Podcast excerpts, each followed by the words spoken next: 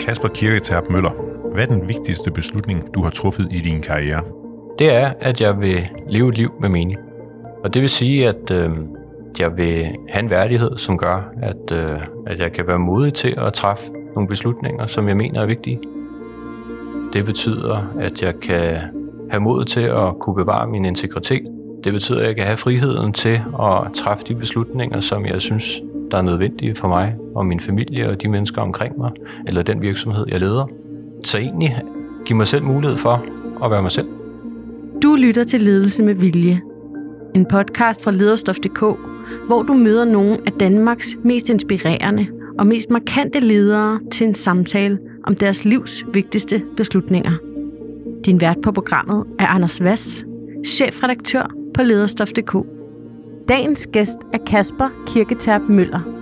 Han startede sin karriere i Deutsche Bank i London, men flyttede sidenhen til Danmark for at arbejde som konsulent og være mere sammen med sin familie.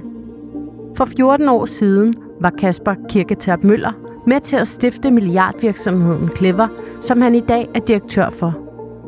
Hør, hvordan Kasper har brudt ledelseshierarkierne i virksomheden ned og skabt selvledende teams i denne uges udgave af Ledelse med Vilje. Kasper Kirketerp Møller, hvad kendetegner dig som leder? Jamen, det er jo et godt spørgsmål. Det, jeg vil tro kendetegner mig, det, det må være forhåbentlig mine, mine to leveværdier, som er ansvarlighed og ordentlighed. Øh, så det håber jeg, man kan se i, i alt, hvad jeg gør. Øh, men hvis jeg skal sige det i form til sådan, sådan lidt mere sådan ledelsesperspektiv, så vil jeg tro, at, øh, og jeg håber, at det er gavmildhed. Øh, at jeg har gavmildhed med min tid, øh, med min nærvær, øh, med min omsorg for de mennesker, jeg er omkring. Øh, at jeg har overskud til det. Øh, og så en anden ting, som jeg ved, det er, at, øh, at man synes, jeg er fuld af gode idéer. Øh, så jeg tror også, jeg er kreativ, øh, og jeg er god til at forudse fremtiden, eller i hvert fald prøve på det. Øh, så, øh, så det tror jeg vil være nogle af de elementer, man måske vil, vil pege på. Og set udefra, så er du jo som CEO her i øh, Clever, der jo leverer ladestandere til øh, elbiler. Så er du kendt for at have lavet øh, en nærmest ledelsesløs øh, organisation, som jo er, er ret radikal. Hvorfor det? Jeg tror først og fremmest, så er den ikke ledelsesløs. Øh, tværtom, så har vi virkelig skruet op for ledelse. Øh, så vi har faktisk gjort ledelse til kultur, øh, sådan, så vi alle sammen leder os selv og hinanden. Så jeg, jeg tror mere det er omkring, øh, vi tænker meget omkring, hvad, hvad vigtige egenskaber, menneskelige egenskaber, øh, og så lidt vi efter det, det kan jeg komme tilbage til. Men i forhold til organiseringen, så var det lidt mere omkring, øh, hvordan laver vi nogle designprincipper, som måske i endnu højere grad kan slippe os fri, som i endnu højere grad kan være med til at motivere til at lede og have modet, øh, skabe et sikkert rum Øhm, så det var egentlig mere vores organisation, som vi så har designet på en anden måde ud fra nogle principper, som går på tillid, ligeværdighed og transparens. Og det har så gjort, at vi ser en lille smule anderledes ud i vores struktur, hvor vi er cirka 30 teams, øh, hvor vi leder os selv og hinanden. Og som en journalist, der er vant til at interviewe topchefer i øh, en masse andre virksomheder, som er meget mere hierarkiske, så vil jeg jo spørge, hvordan kommer man så i den retning, som lederen af virksomheden, i det her tilfælde dig, gerne vil? Vi har en ekstremt stor tydelighed omkring vores strategi. Øh, vi har øh, fire forretningsområder. De har hver deres strategi, som er defineret ud for nogle hjørneflag, som vores sådan, kan du sige, overordnede strategi har. Og øh, så har vi det, som vi kalder formålsindikatorer. Øh, og det er ikke mål, det er indikatorer. Så, øh, så det handler ikke om at nå dem, det handler om hele tiden at gøre sit bedste for at gå i retning af formålet, og det kan vi så se i vores indikatorer. Øhm, og øh, det har alle teams også, formål indikatorer, så egentlig for at skabe sammenhængskraft på tværs. Øhm, og øh, hvis man tager Clippers ni fælles formål indikatorer, dem gennemgår vi ved 14. dag, øh, alle sammen. Øh, alle øh, 300 kollegaer er med i en halv time, hvor vi kigger på, hvordan går det? Og så har vi en samtale omkring det. Øh, og øh, det er jo lidt vidensdeling, og så hvis der er nogle ting, som vi synes er vigtige at tale om, øh, så øh, tager teamsene det med ud. Det lytter de jo selv efter, og så tager de det med ud, og så tager de dialogerne videre der. Så vi har ekstremt stor tydelighed omkring vores strategi og vores planer. Men at have tydelighed om strategien og planerne øh, er jo ikke det samme som, at det ender med at gå godt. Hvordan sikrer du dig, at de her enkelte teams så performer, som du ønsker? Jamen, jeg tror ikke, det er op til mig at sikre det. Det er op til teamsene at sikre det. Men i forhold til selvfølgelig, at de når deres formål og de formålsindikatorer, de har. Så du kan sige, er der en kravstillelse? Og kravstillelsen, den kommer øh, i høj grad for teamsene selv, at man stiller krav til hinanden øh, om, øh, er vi den bedste version af os selv i forhold til at nå det, vi skal. Øh, og ellers så har vi øh, igen øh, en gang om måneden, hvor at vi er i det, som vi kalder Strategy Lab, hvor vi sikrer, at vi får nået de ting, vi skal, og, øh, og vi realiserer vores planer. Så det er igennem samtalerne, øh, og, øh, og hvor at øh, jeg også med formandsvogterne har øh, samtaler hver en måned omkring, hvordan går det, er noget, jeg kan hjælpe med, osv. Og når det så ikke går, jeg går, jeg går ud fra, at du har 23 teams, der ikke altid kan performe lige godt. Det der team nummer 21, som bare ikke lykkes, hvad gør man så? Hvis Jamen, de selv bestemmer, hvordan de skal arbejde. Jamen i høj grad er det jo til, op til teamet at finde ud af, øh, hvorfor lykkes vi ikke? Og tage samtaler omkring det. Øh, der har vi noget, som vi kalder pulsmålingsmøder, hvor at, øh, at vi har erhvervspsykologer, som hjælper os, hvis det er noget omkring det psykologiske, men det kan jo også bare være noget omkring, øh, der er noget, der driller os, vi kan ikke få strøm hurtigt nok, eller kunderne gør ikke, som vi ønsker, eller hvad det nu kan være. Øh, og det vi jo kan gøre, det er jo at være nysgerrige og forholde os til det. Øh, så, så det gør teamsene selv, øh, og jeg synes, der er en kæmpe egenansvarlighed i, at, øh, at det får vi løst. Altså, jeg tror, der er en, jeg har i hvert fald en grundfilosofi omkring, at, øh, at hvis, du, hvis du giver tillid øh, og frihed, øh, så tager vi ansvar. Øh, det gode gamle princip, som min mor i hvert fald opdragede mig under tillid, øh, frihed under ansvar. Øh, og det synes jeg virkelig kommer til udtryk. Så folk tager kæmpe stor ansvarsfølelse for at finde ud af, hvorfor går det ikke, som vi havde regnet med. Og jeg synes jo, et godt eksempel var jo sidste år igennem energikrisen øh, i 22, øh, hvor at øh, vi blev hårdt ramt. Øh, så hvad gør vi ved det? Der var vi jo masser af teams og masser af kollegaer, der arbejdede sammen omkring alt lige fra, at øh, vi blev nødt til at opsige vores kunder og kommunikation omkring det osv. Så, så, øh, så der arbejdede vi smukt sammen øh, under et ekstremt stort pres øh, og fandt løsninger.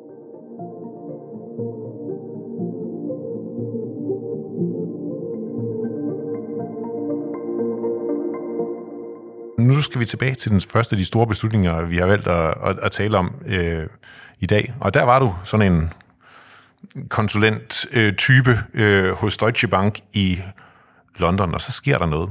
Gider du at fortælle? Det var du tro. Det var både slips og vest og det hele. Så øh, jamen, helt tilbage fra, øh, fra, fra, fra gymnasietiden, der havde jeg en eller anden drøm. Jeg kan faktisk ikke huske, hvor den kommer fra, men jeg havde en eller anden drøm om, at jeg gerne ville arbejde med køb og salg af virksomheder. Jeg synes, det var mega spændende. Øh, og jeg havde også en eller anden ambition om, at jeg gerne ville gøre det der, hvor at øh, de bedste var. Øh, og i Europa, så var det så London. Så jeg vidste faktisk, at jeg ville læse polit, øh, for at, at, at blive god til noget med økonomi og matematik. Øh, og øh, det, det var så en, en, en længere tur, også fordi at min mor hun var syg og døde i den periode. Øh, men, øh, men, øh, men jeg gennemførte, øh, og med gode karakterer, øh, og... Øh, og kæmpede sig for at, at finde et spændende sted at komme ind øh, derover, og det blev så Deutsche Bank, øh, og, øh, og det var vildt spændende. Øh, og øh, jeg knoklede jo 100 timer om ugen, og, øh, og jeg lærte en masse, øh, både omkring øh, fagligt, men også menneskeligt. Øh, og øh, lige pludselig, så øh, kommer min familie over for at besøge mig, for det, der havde jeg faktisk mødt Sara, min, min hustru, øh, og vi havde fået vores første søn, øh, Philip, og øh, han var to-tre år. Og jeg henter dem så øh, ud i lufthavnen, og øh, de sætter sig så ind i en taxa, og så knuser han bare mit ben. Og så kigger han på mig, og så siger han bare, far, jeg elsker dig. Og det var første gang, at han havde øh, nogensinde har sagt de ord. Øh, og lige i det sekund, der besluttede jeg mig for, at øh, jeg skal flytte tilbage til Danmark, hjem til familien. Øh, så, øh, så det gjorde jeg. Øh, jeg synes ikke, der var nogen grund til at have en familie, hvis man ikke så. Øh, så det var nok en af de der et liv med mening, som jeg var inde på i starten, øh, som, som stille og roligt ubevidst gik op for mig der. Så jeg tog tilbage til Danmark øh, og fik så et, øh, et job i PVC, øh, Corporate Finance, øh, og var der nogle år. Øh, og der arbejdede jeg også øh, rigtig mange timer, øh, og så måske egentlig heller ikke så meget. Øh, men de kom ud og spiste øh, aftensmad med mig et par gange om, om, om ugen, øh, og besøgte mig. Øh, det var måden, vi så hinanden på, med undtagelse af weekender, øh, og lidt det samme i Deloitte. Øh, så, øh, så jeg følte stadigvæk, det var et kæmpe spring for egentlig ikke engang at bo i samme land og se. Men, øh, men set tilbage, øh, så, øh, så var der nok en alt for stor overvægt af, af timer på kontoret versus øh, det at være sammen med en familie. Men til gengæld, så lærte jeg rigtig meget. Og jo virkelig i en sådan stram, man kan sige gammeldags, øh, hierarkisk øh, kultur, masser af timer, nogen der bestemmer. Hvordan kommer man så videre til det, du er nu? Nå, men jeg, jeg vil ikke sige, at, øh, at, at jeg havde øh, alle mulige svar, øh, eller jeg læste øh, skrifterullerne, eller så et brændende bål, eller busk, eller et eller andet andet. Øh, det, det er en bevægelse, som har været undervejs. Du arbejder videre øh, i konsulenthuset, men så på et tidspunkt, så skifter du til, øh, til Clever, hvor vi sidder nu. Ikke som CEO, øh, men, men, men du kommer ind. Hvad var årsagen til, at du skiftede fra det der klassiske konsulent og ud i en virksomhed? Jamen efter øh, 4-5 år som, som rådgiver, øh, så tænker jeg, at nu vil jeg gerne prøve øh, at komme ud i industrien og sidde på, det andet, på den anden side af bordet, og egentlig få lov til at bære ting i mål. Øh, ikke bare give nøglen, øh, når folk havde købt en virksomhed, men egentlig være med til at, at skabe noget. Øhm, og så fik vi så muligheden for at, at være med til at rejse kapital her til Clever, øh, og startede så som en ud af fire øh, rundt om et bord, øh, og tænkte, nå, det her det bliver spændende. Øh, lad os købe en computer og en kaffemaskine, og... Øh, og, og det var også sådan, vi startede faktisk med at bygge biler, øh, så det var noget helt andet end at oplade øh, og bygge ladestander. Så, så det var jo øh, det var jo en helt anden en helt anden virkelighed, øh, fuldt iværksætteri, øh, men ud fra en vision om at, at gøre noget, altså jeg troede på missionen, energi, klima, elbiler, øh, samtidig med, at øh, vi også havde nogle mega stærke ejere af ryggen, energiselskaber. Øh, så, øh, så jeg synes, det var det helt rigtige match til virkelig at prøve noget helt andet. Dengang var vi jo en, en mindre virksomhed. Øh, vi var 25-30 mennesker, men der var jo noget der, som jeg synes var fantastisk. Øh, altså da vi voksede fra de 4 til de 30. Øh, der var jo den her sådan, iværksætterånd, empowerment, ansvarsfølelse. Vi offrede os for hinanden. Jeg synes, der var rigtig mange elementer der, som jeg synes var rigtig sjove at arbejde i. Øh, og som jeg synes gav en helt fantastisk dynamik. Og det var jo der, da vi kom lidt ned ad vejen, at jeg tænker sådan lidt, hvordan kan man bevare en masse gode elementer for det, som var med til at definere, øh, hvordan jeg tænkte, at vi skulle organisere os i Clever, når vi blev større og vokset. Ja, det fik du jo så lov til at bestemme, fordi du blev øh, på et tidspunkt CEO. Og hvad var det så, du gjorde? Og hvorfor? Jamen, øh, da jeg blev CEO, det var faktisk lidt et, øh, et tilfælde, for jeg havde faktisk sagt, at, øh, at nu vil jeg ud øh, og prøve noget helt andet. Øh, jeg vil til udlandet igen, så jeg læste en uh, MBA på IMD og havde sagt til ejerne, at, uh, at jeg stoppede uh, på et tidspunkt derefter. Øh, og uh, vi havde en, en, en dårlig kultur i Klæber. Vi var faktisk et dårligt sted. Øh, og øh, og øh, jeg følte ikke, at jeg udviklede mig.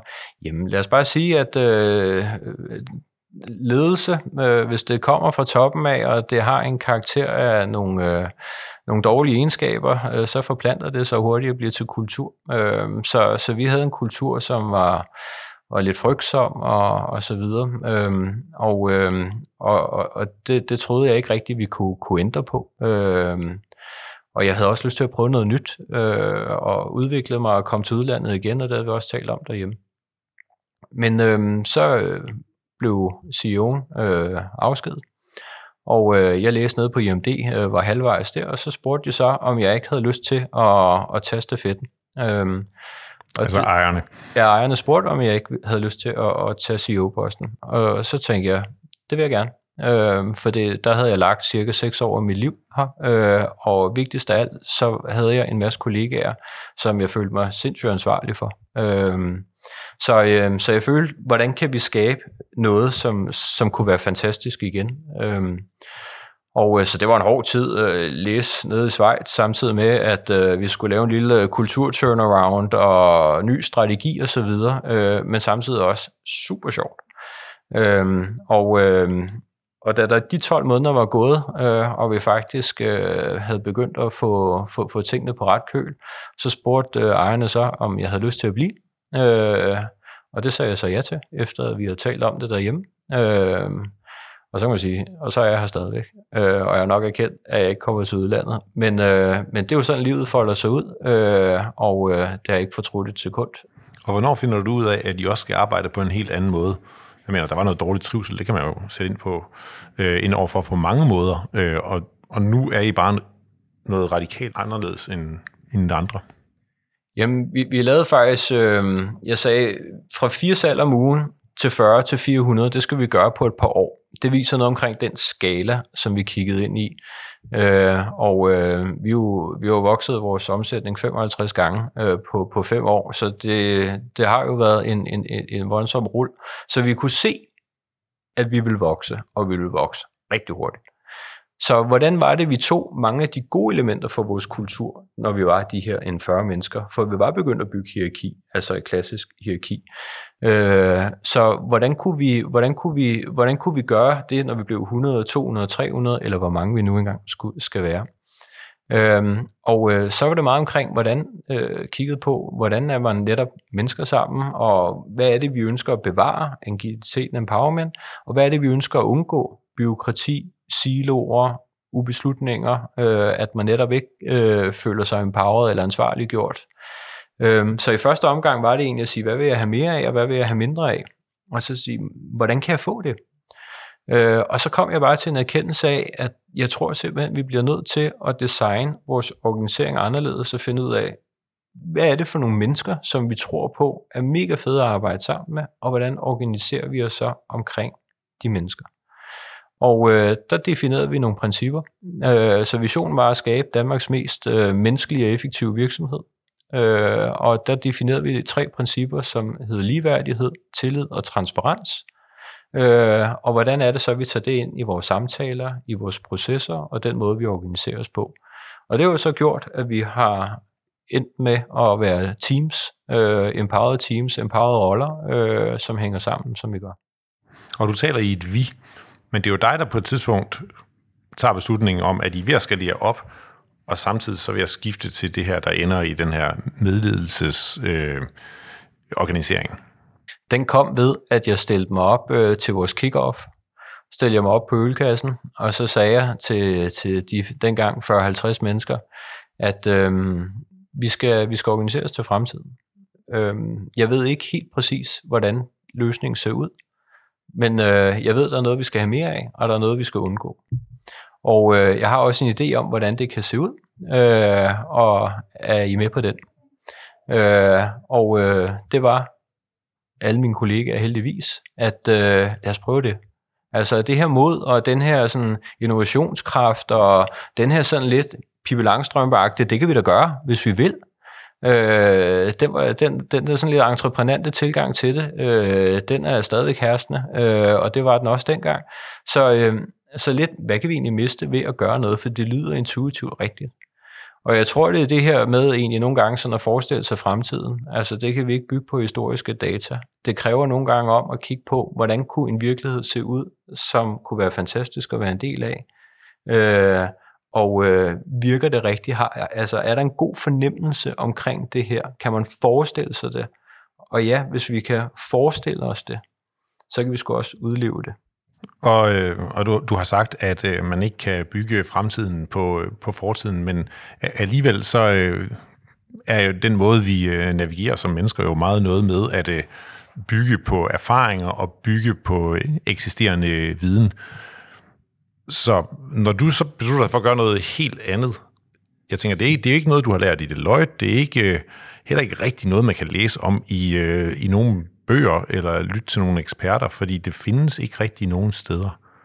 Hvordan føles det i maven at tage den slags beslutninger? Det føles faktisk godt, øh, fordi jeg har en god fornemmelse om det. Øh, og, øh, og der er bare en omkring det.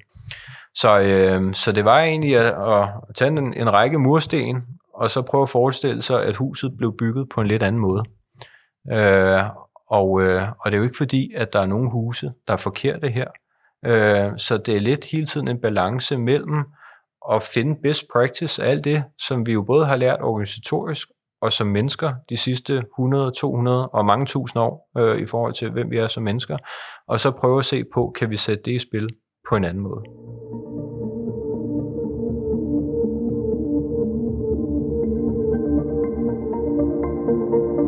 Tilbage til de store beslutninger, og, og normalt så i den her øh, udsendelse, så er det jo så den, der sidder overfor mig, topchefens egen beslutning. Det lyder som om, det godt kan være noget, noget andet her.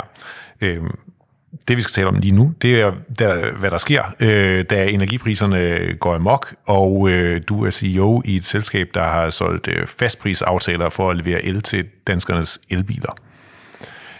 Kan du fortælle, hvad det er for et dilemma, du står med, og hvordan I så i din virksomhed får fundet frem til den løsning, der er den rigtige for jer?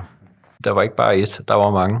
Øh, men, men et af dilemmaerne, det var jo egentlig, øh, hvad gør vi nu? når elpriserne de ser ud som om, at de eksploderer og går i den her retning. Øhm, kan vi bære det, eller kan vi ikke bære det? Hvor meget skal vi bære af den her byrde? Øhm, hvordan, øh, hvordan vil det blive opfattet, når vi lige pludselig øh, øh, bryder øh, det, som vi egentlig havde lovet, som var øh, fast priser osv., så, videre. så der var også meget etik og integritet ind i vores dialoger. Ja, for I, I solgte el billigere, end I købte. I 2022, der gjorde vi. Øh, der, havde, der steg vores vareforbrug med en halv milliard så i forhold til vores omsætning. Så det var derfor, vi holdt hånd under vores kunder med cirka en halv milliard. Øhm, så, øhm, så da vi, hvis man laver en, en, en lille fast forward til, øh, da vi opsiger vores kunder, og det kan jeg sige, det var angstprovokerende. Noget vi brugt øh, næsten en 12-13 år på at, at få alle vores kunder, som vi er mega glade for, skubber på omstillingen sammen med os, til lige pludselig at skulle opsige dem. Øh, det var jo en kæmpe beslutning. Men vi stod også, skal vi opsige dem? Eller skal vi øh, sige, at nu kommer den her nye model med energitillægget, og så sige, så er det det. I har nogle fast prisaftaler med jeres øh, kunder øh, om noget el, som I køber ind, som bliver meget, meget dyrere, og så på et tidspunkt, så er det blevet så dyrt, så I bliver nødt til at opsige aftalerne. Eller vælger at opsige aftalerne. Hvis vi lige tager den, så stiger elpriserne jo øh, sådan lidt mindeligt i starten. Altså selvom det var høje i procenter, men, men ikke i, i kroner. Øhm, så vi laver nogle energitillæg for egentlig at se, hvordan kommer det her til at udvikle sig. Øhm, men da elpriserne over sommeren, også drevet af, af klimaforandringer, eksploderer, øhm, så blev vi nødt til at skabe sigtbarhed i forhold til 2023 året efter. Øhm, så vi blev nødt til at lave en model, som var dynamisk og bæredygtig, øh, som gjorde, at hvis priserne var ekstraordinært høje, så blev kunderne t- øh, nødt til at tage et medansvar for det. Så vi tog den op til et vist niveau, men over det niveau, øh, så blev det nødt til at, at blive båret af kunderne. Det så heldigvis viser, at det var der ikke brug for i, i, i 23, så det krydser vi fingre for at fortsætte. Men det var simpelthen for, at vi havde en stabilitet i 23 i forhold til, at vi ikke hele tiden skulle bruge tid på at navigere elpriser, øh, samtidig med, at øh, vi jo grundlæggende ikke vidste, hvad vores økonomi øh, var i forhold til øh, at fortsætte udviklingen af Clever. Så derfor så introducerede vi det her energitillæg. Og for at kunne, det dynamiske energitillæg, og for at kunne introducere det, øh, så, øh, så valgte vi simpelthen at sige alle vores kunder om. Øh, og øh, det var en, en større øh, angstprovokerende øvelse, særligt for det, vi var rigtig glade for dem, øh, og vi havde kæmpet mange år for at, at, at, at få dem øh, til at være en del af, af vores udvikling. Så, øh, så, så det var det var vemodigt, øh, men vi besluttede at gøre det også for at skabe transparens omkring, øh, hvad betyder det her sådan så der ikke var nogen, der blev overrasket på bagkant.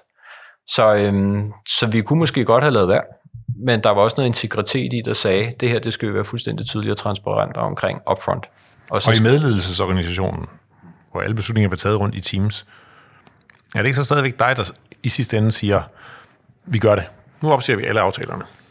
Nej. Eller er det noget, der ligesom bliver besluttet på tværs? Det var faktisk øh, en af vores kollegaer, som står for vores produkter, som, som drev den øh, og øh, som så fik øh, rådgivning for jure og vores, øh, vores antro, øh, antropologer og så videre. Egentlig rådført sig med en masse, også med mig og vores bilmærkepartner ansvarlig, hvordan øh, kommer det til at påvirke vores omdømme og så videre. Så, øh, så det var egentlig en kæmpe opgave, som lå ude rundt omkring i Clever øh, med, med, med en, der var ansvarlig for det. Men jeg var da helt sikkert en del af processen, og uagtet, når man stiller til forslag, at vi skal opsige alle vores kunder, så har jeg jo mulighed for og at eller give en øh, indsigelse på det. Og samtidig så havde vi jo også øh, bestyrelsen tæt ind over det her, hvor vi også hele tiden spillede bold med dem i forhold til, vi ser de her scenarier, hvad tænker I, og så videre. Så jeg synes, det var en rigtig fin måde på at se på, hvordan at vi egentlig på tværs af klipper øh, arbejdede ekstremt tæt sammen, lige fra bestyrelsen til ude i, i de enkelte teams.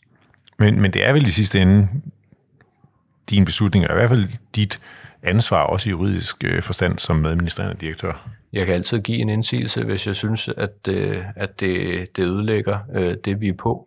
Og heldigvis, øh, så når det er store beslutninger, øh, så gnider vi os jo op af hinanden. Og her, der var det jo øh, kæmpestore beslutninger, så der havde vi jo også bestyrelsen og ejerne med i, i de dialoger.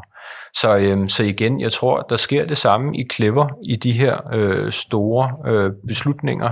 Det bliver bare drevet på en anden måde. Øh, og jeg tror, når der er sådan nogle store beslutninger, så har de jo sådan lidt en tendens med at glide op i systemet. Øh, men, men typisk, så er det jo måske ikke øh, dem øverst i systemet, som har den bedste viden og forudsætninger for at træffe beslutningerne. Så hvordan er det, at man skubber sådan nogle beslutninger ud i organisationen igen? Øh, for det vi har sådan lidt en tendens til at bare se den der fantastiske orm på krogen, og så hugge til. Øh, men, men det er måske ikke det rigtige det rigtige er måske egentlig at stille spørgsmål og udfordre de dialoger, som der er, sådan så vi netop får alle hjerner til at finde den bedste løsning. Betyder den organisering, at der nogle gange bliver truffet beslutninger i Clever, som du som administrerende direktør er uenig i? Nogle gange kan jeg godt synes, at vi skulle have gjort noget andet men, men jeg skal jo ikke rave rundt og have en mening om alt. Øh, så, kan vi jo diskutere brandfarver herfra til juleaften. Øh, så, øh, så, så, så nogle gange så handler det jo om at, at, at have en mening, som jeg, har, som jeg er bedst til at have en mening omkring. Og det er det, som ligger inden for mit arbejde og mit virke og min rolle. Øh, og så er jeg heldigvis så begunstiget af, at øh, mange kollegaer, øh, de kommer til mig, hvis de mener, at jeg har et input, øh, som kan gavne deres beslutninger. Øh, men ja, nogle gange, så træffer vi beslutninger, hvor jeg tænker, jamen jeg havde nok truffet en anden, men det er da fantastisk. Er du nogensinde grundlæggende i tvivl om, om det er det rigtige, I gør? Altså der, hvor I adskiller jer fra andre øh, virksomheder. Øh, sidste år i, i 2022 mistede i, øh, eller havde et underskud på en, en halv milliard kroner. Tænker du ikke så nogle gange, nej, ved du hvad, det kunne være, at vi skulle have gjort det helt anderledes. Det var i hvert fald svært at sådan objektivt sige, at øh, om noget er en succes eller ej, ikke? At vi, at vi øh, havde et tab på en halv milliard sidste år, øh, skyldes på ingen måde den måde, vi var organiseret på. Øh, det skyldes på den måde, at vi havde sammensat vores produkter på. Øh, jeg synes faktisk, vi handlede øh, hurtigt. Og jeg kan da godt nogle gange æve mig lidt over, at jeg har da i hvert fald nogle gange sådan banket mig selv lidt i hovedet for, at når der står over 100.000 mennesker, øh, eller russere på vej ind over øh, den ukrainske grænse, hvorfor at vi ikke agerede. Øh, og øh, ja. Hvad mener du? Nå, men øh, da krigen gik i gang, øh, så, så, så burde det ikke have taget lang tid, måske hvis man har siddet der en måned for inden og sige, nu er der optøjer. Øh, hvis der kommer en krig, øh, udover at alt det menneskelige omkring det, at det er ulykkeligt, øh, hvad betyder det så i forhold til vores forretning? Gaspriserne de stiger nok. Elpriserne er bundet op på gaspriserne, det vil sige, at elpriserne stiger nok. Hvad betyder det for Clever? Og øh, der bliver jeg sådan lidt, hvorfor så jeg ikke det? Altså lidt perfektionistisk, øh, men, øh, men det gjorde jeg ikke. øh, og det kan jeg mig, øh, fordi af flere årsager. Et, fordi at øh, så havde vi ikke behøvet at hæve priserne over for, for vores kunder. Øh, vi havde ikke behøvet at opsige dem. Øh, vi havde ikke øh, internt øh, skulle, det var, det var opslidende for os herinde. Øh, det var hårdt. Øh, og vi blev, en ting var, at det var hårdt i forhold til timer øh, og finde løsninger. Men det var også hårdt, fordi vi blev jo beskyldt for at slå den grønne omstilling ihjel. Øh, og nu kunne det ikke betale sig at køre elbil længere osv. Så, videre. Øh, så der er et eller andet med, når man går forrest og tager et stort ansvar, og så på en eller anden måde fejler lidt, øh, som vi jo gjorde, synes jeg, i, i, i 2022 i forhold til øh, vores øh, produkt og fastpris. Øh, jamen så kan jeg godt sidde og mig en lille smule. Øh, men det må jeg jo bare komme over. Nogle gange, så kan, kunne det der jo være et eksempel. Nu laver jeg så et strategy lab. Men hvis der er behov for noget nyt, altså det der hos jer vil være et nyt team, øh, et nyt forretningsområde eller sådan noget, hvem træffer den beslutning? Er det dig, der sidder tilbage, øh, når resten af, af ledelsesansvaret er distribueret? Blandt 300 mennesker? Nej, men det, det, det, det bygger på roller. Altså, så finder man ud af, at nu skal vi have en, der er, det er ikke churn-ansvarlig, eller vi skal sætte yderligere infrastruktur. Så er nye roller, så ansætter vi de mennesker. Øh, og så når teamsene bliver for store, øh, så spalter vi, og så finder vi så ud af, hvad er den optimale konstruktion i forhold til at skabe øh, de bedste forudsætninger for, at rollerne øh, de lykkes. Så det er lidt mere sådan en organisk proces, end man siger, nu skal vi have, øh, osv. Men der er også nogle gange, hvor vi starter et helt nyt forretningsområde op. Øh, og øh, gode idéer kan komme alle vejen fra. Øh, men hvis vi så beslutter os for at starte et nyt forretningsområde op, øh, så øh, kan det godt være, at vi siger, at det skal være et selvstændigt team med et selvstændigt formål, og der skal være minimum fire roller, eller fire mennesker, øh, så derfor så starter vi det op som noget helt nyt. Vi vil for eksempel sige, at da vi begyndte virkelig at sætte tempo på vores infrastruktur, så gik vi fra to mennesker til over 20 på relativt kort tid. Så, øh, så der blev hurtigt etableret tre teams omkring det. Vi sidder her i et øh, mødelokale øh, i Sydhavnen i sådan et moderne byggeri. Du har ikke dit eget, eget kontor, så, så derfor her. Øh, og øh, rundt omkring øh, på etagerne sidder de her teams øh, af sådan kontormennesker i øh, ikke klassisk kontortøj, men, men sådan nogle, der ligner moderne vidensmedarbejdere. Samtidig så er det jo også noget meget fysisk, det I bygger ud. Det er sådan nogle øh, ladestationer, øh, hvor der bliver lagt kabler ud og bygget nogle overdækninger osv.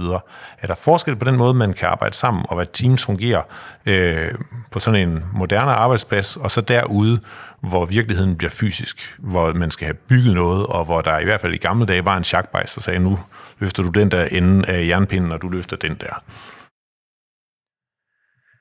Øhm, jeg har ikke prøvet det sidste, øh, men mit udgangspunkt vil være, at jeg tror egentlig, det kan lykkes alle vejen, øh, hvis man vil.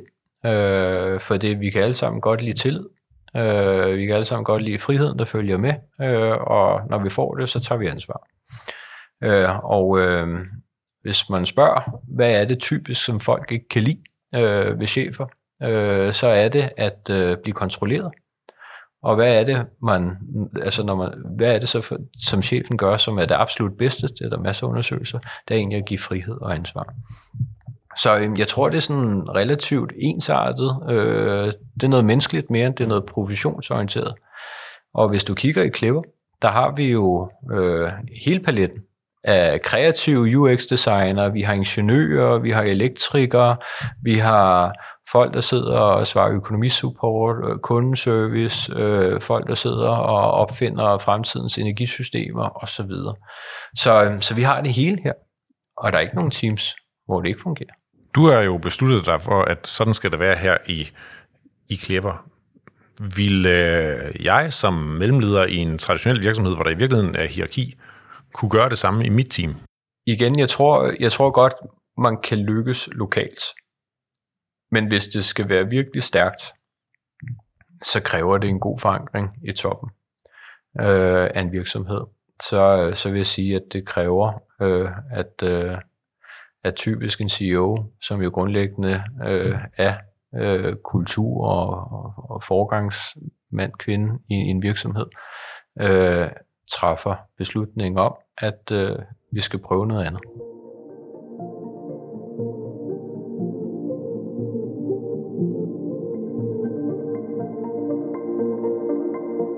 Kasper Kirketerp Møller. Vi beder altid vores hovedpersoner om at tage noget med, som siger noget omkring dem som menneske og som leder. Hvad har du valgt? Jamen, jeg har jo øh, brudt reglerne en lille smule øh, og taget to ting med. Øh, og det ene, det er mit ur, og det andet, det er min viselsring. Øh, for jeg har jo ikke kontor og løber ikke rundt og har, har, har billeder og sådan nogle ting stående. Så øh, mit ur fik jeg øh, af min mor, øh, og repræsentere den del af mit liv øh, frem til jeg var 21, hvor at, øh, at hun var min familie, og hvor hun døde. Øh, og min visesring symboliserer øh, min nuværende familie, som rummer Sara, som jeg mødte, da jeg var der, øh, 23, øh, og vores tre børn. Øh, og du kan sige, at afstanden imellem de to ting repræsenterer øh, meningsløsheden. Et, et tidspunkt, hvor at, øh, jeg havde lidt svært ved at finde mening i livet. Så, øh, så det, det er de to ting, som jeg altid øh, vil have på mig, og forhåbentlig aldrig nogensinde får behov for at tage af. Er det sådan, du kigger ned på det i løbet af arbejdsdagen og tænker, nå ja, nu skal jeg også lige huske? Jeg kunne være bedre. Jeg kunne være bedre til det, øh, og det er en balance, som, øh, som igen, hvad er mening i det givende tidspunkt? Øh, der er ingen tvivl om, at, øh, at det her med at gøre sig fortjent til at blive elsket af sin familie, øh, det er en ever-going opgave øh, på en eller anden måde. Øh, og det må man aldrig tage som en selvfølge. Øh, ligesom tillid for kollegaer. Øh, så, øh, så, så nogle gange, så, øh, så kan jeg godt kigge på det og så sige, øh, at det er de rigtige prioriteter, jeg har i dag. Så, øh, men det er jo en konstant evig vækkelse om at, at prioritere i livet. Det er jo filosofisk interessant, at Clever er en virksomhed, der skal hjælpe med den grønne omstilling, og som sådan skal gøre noget godt for hele verden. Hmm. Og at alle de timer, du så sidder herinde på kontoret, det betyder så, at du ikke lige i hvert fald i det øjeblik kan være noget for dine egne børn. Egne børn. Hmm. Hvad er dine tanker om, om det dilemma? Det har jeg faktisk mange tanker omkring lige nu. Øh, faktisk også snakke øh, derhjemme. Fordi der er jo ingen tvivl om, at, øh, at her i Danmark, der har vi det jo rigtig godt. Øhm, og øh, jeg tror, vi vil alle sammen komme godt igennem livet, hvis vi bare satte den på autopilot øh, versus øh, så mange andre rundt omkring i verden. Øhm, så, øh, så det er lidt, jeg, jeg vil faktisk gå så langt at sige, det er nogle gange lidt en offring, at øh, man offrer lidt sit, sit familieliv øh, og det, man kan være for sin familie i forhold til at gøre noget godt øh, for nogen, som man ikke kender, og som måske ikke engang er født endnu. Øhm, og det, det, det skal man også finde en, en, en, god, en god balance i, øh, og øh, man skal kunne leve med det. Øh, og igen, finde mening i livet, øh, og det må ikke tage overhånd. Du kommer øh, arbejdsmæssigt fra en kultur oprindeligt, hvor den internationale bankverden og, øh, og konsulenthuse med helt utrolig mange arbejdstimer. Hvordan ser din work-life balance ud, hvis man skal bruge det begreb i dag? Det er blevet væsentligt bedre. Øh, på et tidspunkt, så, øh, så var jeg herinde cirka 5.30 hver morgen, øh, og gik også øh, øh, godt sent om aftenen. Typisk hjemme og spise aftensmad, så ved 6-tiden. Øh, så, så, så det, det, det er stadigvæk, det har været mange timer. Men lige nu, der plejer jeg at være herinde ved, en, ved nåtiden, så jeg når at se børnene om morgenen. Øh, og øh, ligeledes er jeg stadigvæk altid hjemme og spise der ved en halv seks seks tiden. Så, øh, så der er ved at være bedre balance i forhold til tid. Øh, min store opgave, det er nok at kunne give slip mentalt. Øh, for jeg kan godt lide at rende rundt og summe. Øh, og som, som Sara også siger, øh, jeg er disciplineret, øh, så jeg har lidt svært ved at, at give slip øh, på ting. Øh, så, øh, så jeg kan sidde øh, midt på hovedbanegården øh, i mine egne tanker og arbejde og have det helt fint med det, men, øh, men det gør nogle gange, at min tilstedeværelse den kan være begrænset. Øh, så det, det skal jeg blive bedre til selvom øh, det mest er distribueret øh, i, i den her virksomhed, så tænker jeg, at du, du er kultursætter nummer et. Hvor meget tænker du over alle de timer, du er her, kontra dine, din medarbejdere, som jeg vil ikke forventer, at du forventer mere end 37,5 timer af? Jeg plejer at sige, at vi er en vækstvirksomhed, og øh, vi er topmotiveret herinde. Øhm, så, øhm, så nogle gange bliver man nødt til at give lidt mere af sig selv, både i tid, men måske også i forhold til ja, opmærksomhed eller energi og, og hvad det nu kan være. Øhm, men nej, jeg forventer ikke, at, øh, at, at man, man ligger noget, noget tid, som går ud over det, som, øh, som vi kan forvente af hinanden. Og igen, det er nede i teamet. Kulturbærwise, øhm, jeg tror, at øh, jeg tror, vi tænker over det. Øh, fordi at jeg ved, jeg er kulturbærer i klæver øh, på, på, på, på, på mange områder. Men kvæg jeg ikke selv har fokus på tid, så har jeg ikke så meget fokus på, hvad andre ligger i tid, eller hvad jeg selv ligger i tid. Øh, så det har ikke sådan rigtig været et, et, et ops på mig, og jeg er ikke sådan blevet opmærksom på, folk plejer gerne at gøre mig opmærksom på, hvis der er et eller andet. Øh, jeg er ikke blevet gjort opmærksom på, at, øh, at jeg nogle gange er her om morgenen, og nogle gange om aftenen, at øh, det er med til at, at drive, at folk føler sig forpligtet til at, at, at være herinde i tid.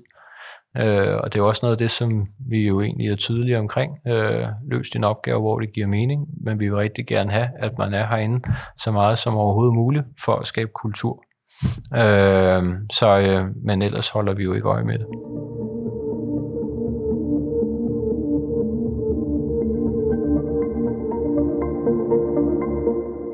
Clever er jo en ekstrem vækstvirksomhed. Jeg tror, jeg fordoblet omsætningen fem eller seks år i streg. Vil det være muligt at gøre det, I gør et sted, som ikke var en vækstvirksomhed, et sted, som øh, var på ensartet niveau, øh, hvor der er nogen, der skulle afchefes, øh, eller måske endda en, en virksomhed, hvor man vidste, at man over de kommende år skal vi være mindre? Jeg tror, man skal have ro. Så hvis man skal ændre øh, adfærd og måden, vi arbejder sammen på, og kultur og organisering og, og så videre, tror jeg, man skal være i balance. Altså øh, som virksomhed, så kan man sige, hvor vi er i balance, når vi har vækstet så meget, som du nævner. Ja, men jeg tror, det er nogle gode forudsætninger i hvert fald, at man ikke står og skal lave en turnaround eller et eller andet andet. At man har tid til lige at tænke sig lidt om og få tingene fordøjet og respektere den procestid, det kan tage. Øhm, men kan det lykkes uagtet, om man er inflationsvoksende, eller om man står midt i en turnaround? Øhm, ja, selvfølgelig kan det det. Øh, jeg tror bare, der er bedre tidspunkter end andre. Jeg, jeg forestiller mig, at, at væksten har været en... Øh en fordel i forhold til at komme hertil, at de folk, der er kommet ind, og det er jo langt største del af den, siden I lavede det her om, de er kommet ind, og så er de købt ind på det her. Hvis du øh, skulle flytte over i en anden stor virksomhed, hvor hierarkierne var sat på forhånd, og der var en masse medarbejdere, ville du så kunne lave det om til det her billede, når hierarkierne var der på forhånd? jeg, jeg tror virkelig, jeg vil kigge på øh, den enkelte virksomhed, øh, og hvordan øh, den er sammensat, øh, hvilken industri er den, hvilken modenhed industrien er den, altså øh, er det en vækstvirksomhed, eller en, en steady case, eller turnaround, øh, hvad er kulturen, øh, inden man kommer med, med noget helt nyt, øh, så vil jeg virkelig kigge på, hvad er det, jeg kigger ind i. Så, øh, men jeg vil, da, jeg vil da bestemt arbejde med nogle af de sådan, menneskelige logikker og sige på, hvordan kan vi arbejde med tillid øh, og tryghed? Øh, hvordan kan man, hvordan er det ok øh, og, og, og, vise, øh, og vise sårbarhed og, og sige, det her det forstår jeg ikke, øh, eller hjælp mig lige. Øh, hvordan er det okay at lave fejl? Øh, altså mange af de her elementer, øh, det vil jeg da tage ind, øh, uagtet hvordan virksomheden var organiseret. Øh, og hvis der så var mulighed for at gøre noget, der øh, vi troede på ville fungere bedre i den virksomhed, øh, så vil jeg da forsøge øh, at skubbe i den retning. Skal jeg forstå det sådan så, at, at det her øh, øh, medledelse faktisk måske ikke er det rigtige for alle, selvom det er noget, du tror så meget på her? Jeg tror, at det er, hvis, jeg tror, hvis du, hvis du tager den lidt sort-hvidt, og så spørger mig, hvad der fungerer bedst, og jeg er slet ikke tilhænger af den analogi, for det jeg godt lide nuancerne, så tror jeg faktisk, at det vil fungere rigtig godt i de fleste øh, sammenhæng. Øh, altså overperform. Jeg tror også, der er nogle steder, øh, hvor at der måske er behov for så stor præcision og struktur og kontrol, øh, at, det ved jeg ikke, hvis det var operationsgang eller et eller andet andet, noget jeg slet ikke har, har styr på, øh, hvordan fungerer, at øh, der måske er øh, et, et behov for, for noget, noget, noget mere hierarkisk struktureret på en eller anden måde. Det jeg egentlig vil sige, det er summen af, at jeg tror, at der kommer til at være rigtig mange organisationsformer i fremtiden. Øh, og, og, og for mig er det ikke sort eller hvidt. Øh, det er at kigge på øh, virksomheden i den industri, den er, i den øh, historik, den er, med de mennesker, der er, øh, i, det, i den strategi og det outlook, man ser ind i, og så sige, hvordan er det, at vi bygger den stærkeste operating management model, eller hvad vi nu skal bruge af buzzwords, op for at understøtte den rejse.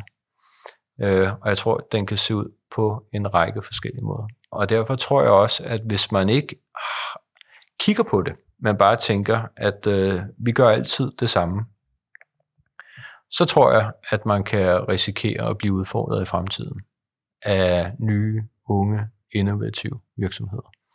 Så, øh, så jeg tror egentlig, at det er noget, jeg synes, at man som virksomhed skal være opmærksom på og være nysgerrig omkring, og så finde sin vej i det.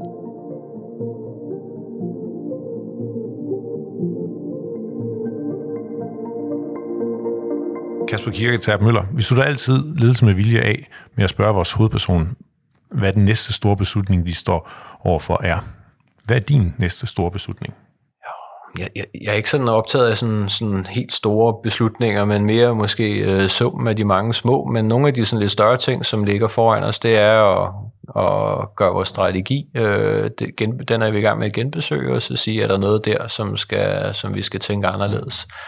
Øhm, så, så det forløber nu og er klar her inden for næste måneds tid. Så der kommer nok lidt store beslutninger i den forbindelse. Øhm, og ellers så er det jo nok, jeg er nok mere optaget af hele tiden sådan at, at, at være i bevægelse i forhold til øh, den rejse, som klæver på, øh, og hvordan får vi de ting, som vi knokler for, øh, ud at leve, og hvordan sikrer jeg, at, øh, at det skaber værdi øh, for, for, for os her i Clever, og for samfundet, og ikke mindst også for mig selv, øh, sådan så er den bedste version. øh, Øh, af mig, øh, når vi alligevel bruger så meget energi på at, at lykkes med alt det, vi render rundt og laver.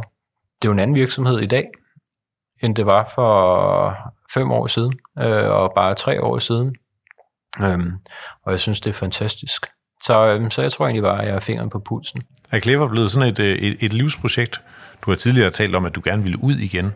Men er det, er det bare det, du skal gøre nu, øh, indtil du bliver for gammel, eller de øh, smider dig på borden? Nej, og nu er vi tilbage til igen øh, et liv fyldt med mening. Og øh, det er jo derfor, at jeg er i de virksomheder, hvis formål understøtter, hvorfor jeg lever. Øh, så, øh, og det tror jeg er vigtigt for, at man netop ikke bliver afhængig af en virksomhed. Øh, og at man ikke føler, øh, at man går på arbejde, eller det kan blive for voldsomt, eller et eller andet andet at sige, jamen Clever er med til at understøtte det, som jeg lever for. Og jeg tænker også, at jeg er med til at understøtte det, som Clever er sat i verden for. Øh, og derfor er der forhåbentlig en rigtig god balance der. Øhm, så det er jo igen, altså jeg, hvis jeg skal være sådan helt præcis, så vil jeg jo sige, Clever er midlet i mit liv, ligesom at jeg sikkert også er et middel i Clevers liv. Tak for det, og tak fordi du vil være med i Ledelse med Vilje. Selv tak. Du har lyttet til Ledelse med Vilje, en podcast fra lederstof.dk. Du kan abonnere på podcasten i din foretrukne podcast-app, og vi bliver glade, hvis du også giver os en anmeldelse og nogle stjerner med på vejen. Alle de topchefer, vi taler med i Ledelse med Vilje, deler deres bedste råd om ledelse inde på lederstof.dk. Så gå ind på sitet og få inspiration til, hvordan du selv bliver en bedre leder. Bag lederstof.dk står lederne.